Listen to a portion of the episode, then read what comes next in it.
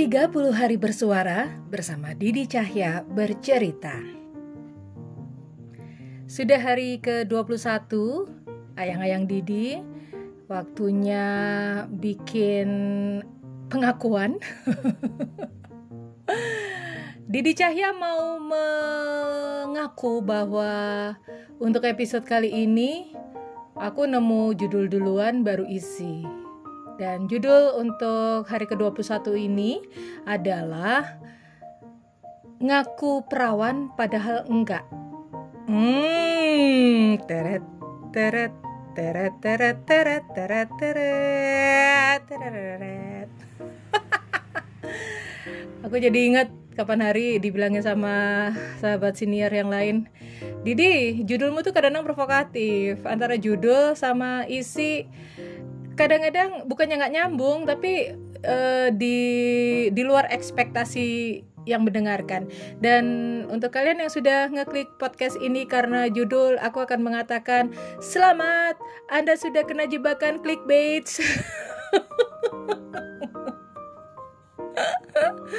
itu pengakuanku jadi kontennya bukan perkara aku perawan atau enggak ngaku atau enggak bukan. Tapi memang masih ada kaitannya kok dengan judul. Karena sebagai mantan jurnalis aku masih berpegang pada apa ya aku masih berpegang pada kaidah bahwa kita tidak boleh membohongi pendengar atau pembaca kita dengan judul yang tidak ada relevansinya dengan isi.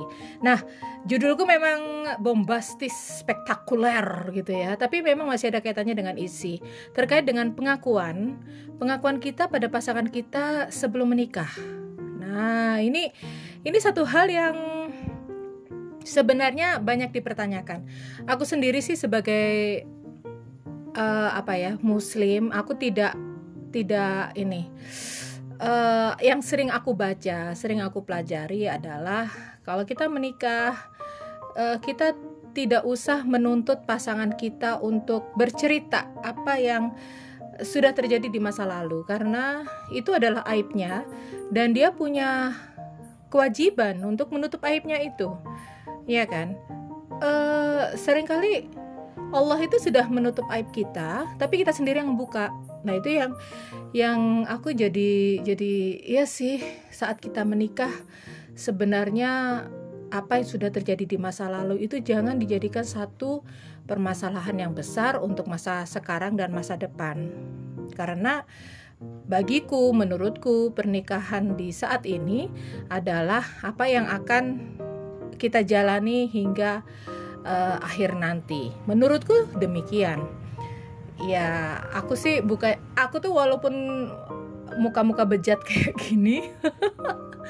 Kalau hal-hal seperti itu aku masih lah masih masih ada ada patokan yang aku pegang. The problem is don't ask me about itu ada di surat mana ayat berapa atau hadis yang mana itu bukan kapasitasku untuk menjelaskan. Jadi latar belakang dari uh, podcast ini adalah itu tadi uh, berangkat dari pertanyaan perlu nggak sih kita tuh mengaku kepada calon pasangan kita saat kita akan menikah tentang apa yang sudah kita lakukan di masa lalu. Kalau aku sendiri menjawab pertanyaan itu adalah tidak perlu karena saat kita uh, akan memulai hidup baru dengan seseorang itu kita benar-benar melangkah di sesuatu yang baru. Ya Allah saya tadi kan udah aku sampaikan Allah aja menutupin aib kita kok kita mau ngebuka-buka. The problem is pernah nggak sih dengar cerita gini? Ada pasangan yang solen solehah gitu. Baru beberapa hari menikah, sang suami mengajukan gugatan cerai kepada istri. Kenapa? Karena terkejut. Terkejut kenapa? Karena ternyata istrinya punya tato. Dan tatonya itu ada di daerah yang agak-agak gimana gitu. Dia kaget banget. Padahal si perempuan ini uh, sehari-harinya ya ya sudah baik Nah, si suami nggak terima. Ini menurutku begini, sangat sangat apa ya, sangat tidak adil untuk sang perempuan itu kalau si laki-laki itu menghukum perempuan ini atas masa lalunya. Oke, okay? aku nggak ngerti kenapa sistem patriarki itu menempatkan perempuan benar-benar di bawah. Perempuan adalah inferior gitu ya. Perempuan harus menjaga keperawanannya sampai menikah dan kalau ternyata itu tidak terjaga maka perempuan itu sudah kehilangan harga dirinya gitu. Oke, kalau misalnya masih punya pendapat kayak gitu, aku juga bukan tipe yang akan menyerang kalian dengan pendapat itu. Tapi masalahnya saat kalian sudah menikah dan sang perempuan itu benar-benar sudah bertobat dan dia benar-benar sudah berubah. Kok ya kalian masih masih sangat ini ya sangat menggugat masa lalu si perempuan itu sampai akhirnya tidak mau menerima kondisi si perempuan itu.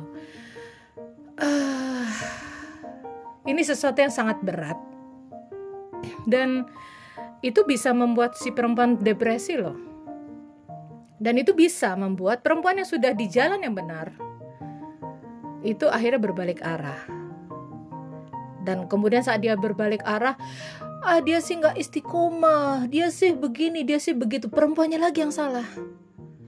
Padahal bisa jadi come on. Kita tuh hidup saling support bukan saling menjatuhkan. Nah hal-hal seperti ini yang aku aku seandainya ada orang yang bertanya perempuan yang bertanya di gue udah nggak perawan gue mau nikah. Enaknya gue gue uh, ngaku nggak sama calon laki gue nggak usah ngaku kalau aku bilang. Dan kalaupun laki-laki itu bertanya kamu masih perawan atau enggak? Aku akan mengatakan uh, jawaban apa yang kamu inginkan? Aku akan kembalikan seperti itu. Jawaban apa yang kamu inginkan? Dan seandainya jawabanku ternyata tidak sesuai yang kamu inginkan apa yang akan kamu perbuat? Aku akan jawab seperti itu. Jadi si laki-laki itu pun punya kesadaran penuh akan konsekuensi dia bertanya.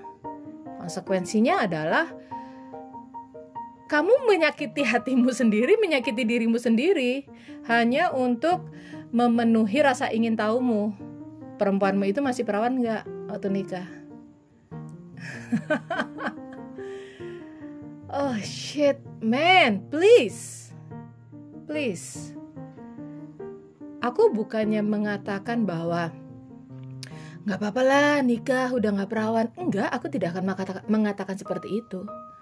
Tapi kalau ternyata ada tuntutan atas pengakuan tertentu yang akan berakibat pada hubungan kalian yang semula baik menjadi tidak baik. Oh man please. Apakah hubungan tuh hanya sebatas perawan gak perawan? Ya gak sih? Bener ini ini mengganggu pikiranku tentang perlu nggak sih kita mengaku perempuan itu mengaku perawan atau enggak. Nah, perempuan juga gitu. Saat mau menikah dan kalian memang bertekad untuk menjalani satu kehidupan uh, di masa sekarang untuk masa depan, sama kamu kalau mau ngorek-ngorek tentang masa lalu calon suamimu, mengorek-ngorek masa lalu suamimu, kamu juga harus siap, harus uh, menghadapi konsekuensi yang sering kali mengejutkan.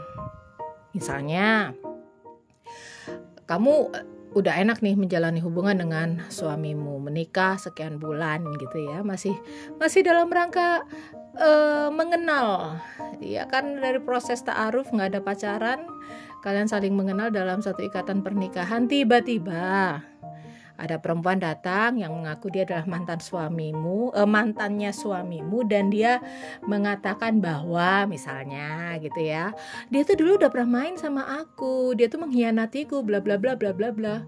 Ya apa rasa nenek awak mengerti kayak ngono rek. Hmm?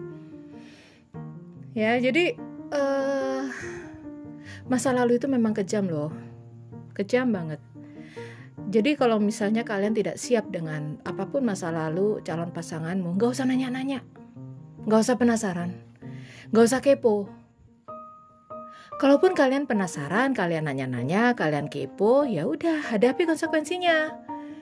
Kalian tahu bahwa oh ini pasanganku pernah jalan sama ini nih, pernah ML sama itu tuh. So what? So what? Itu masa lalu. Kecuali di masa pernikahan kalian kalian sama-sama selingkuh, kepek, nggak mau ngaku, ya udah, itu udah jelas kan Eh, jelas ada satu satu kegagalan dalam eh, memelihara hubungan. Kegagalan itu bisa diperbaiki, bisa enggak, ya kan? Tapi itu kan berlangsung saat kalian sudah dalam pernikahan, kalian sudah jalan bareng. Tapi hal-hal yang di luar waktu kalian sekarang alias masa lalu masing-masing ya udah nggak usah diungkit-ungkit. Menurutku sih gitu. Apa pentingnya sih kita tahu apa yang terjadi antara pasangan kita dengan mantannya? Nggak ada yang nggak ada yang penting kecuali itu masih berlaku dalam hubungan kalian sekarang. Ya ya gorok aja gitu. jahat ya gue. Tapi emang gitu kalau udah selesai udah selesai. Tapi kalau memang masih berlangsung dan dia mengakui itu selesaikan. Gimana caranya? Ya selesaikan. Itu urusan kalian dengan pasangan kalian. Nah ya kan? Rasa nggak?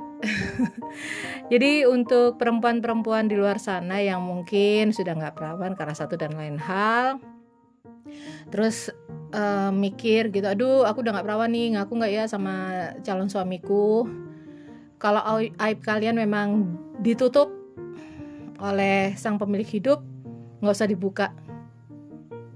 Dan kalaupun kalian mau membuka kenyataan itu melalui pengakuan terhadap pasangan kalian aku udah cerita loh ya udah bilang loh ya tentang konsekuensinya. Jangan bilang aku aku tidak menyampaikan ini di Didi Cahaya bercerita. Oke? okay? Gimana gimana gimana? Masih ini merasa terjebak dengan judulku yang provokatif? Ngaku perawan padahal enggak? tapi isinya masih relevan kan? Jadi nggak usah dipermasalahkan lah judulku dengan kontenku seperti apa. Yang jelas uh, aku kembalikan kepada kalian semua ayang-ayang Didi perkara pengakuan ini. Kalian yang bisa memperhitungkan kalian yang bisa menimbang-nimbang kalian yang bisa menentukan pilihan untuk membuat satu pengakuan atau tidak. Oke? okay? Baiklah, ini episode terakhir minggu ketiga ya. Minggu keempat ini kayak eh ya ampun udah mau tahun baru berarti. Di minggu keempat ini nanti uh, ah luar biasa. Aku aku merasa ada beberapa beberapa episode yang bakalan menguras emosi termasuk tema tentang kematian karena aku sudah sempat membuat tema tentang kematian sebelum ikut 30 hari bersuara Nah besok ini tentang kematiannya kayak apa ya? Gak usah penasaran lah. Pokoknya tetap aja di Didi Cahya bercerita ya Ayang-ayang Didi. 30 hari bersuara Tantangan dari thepodcasters.id Sampai dengan tanggal 31 nanti. Oke. Okay? Tetap setia kepadaku Ayang-ayang Didi Karena aku juga padamu. Bye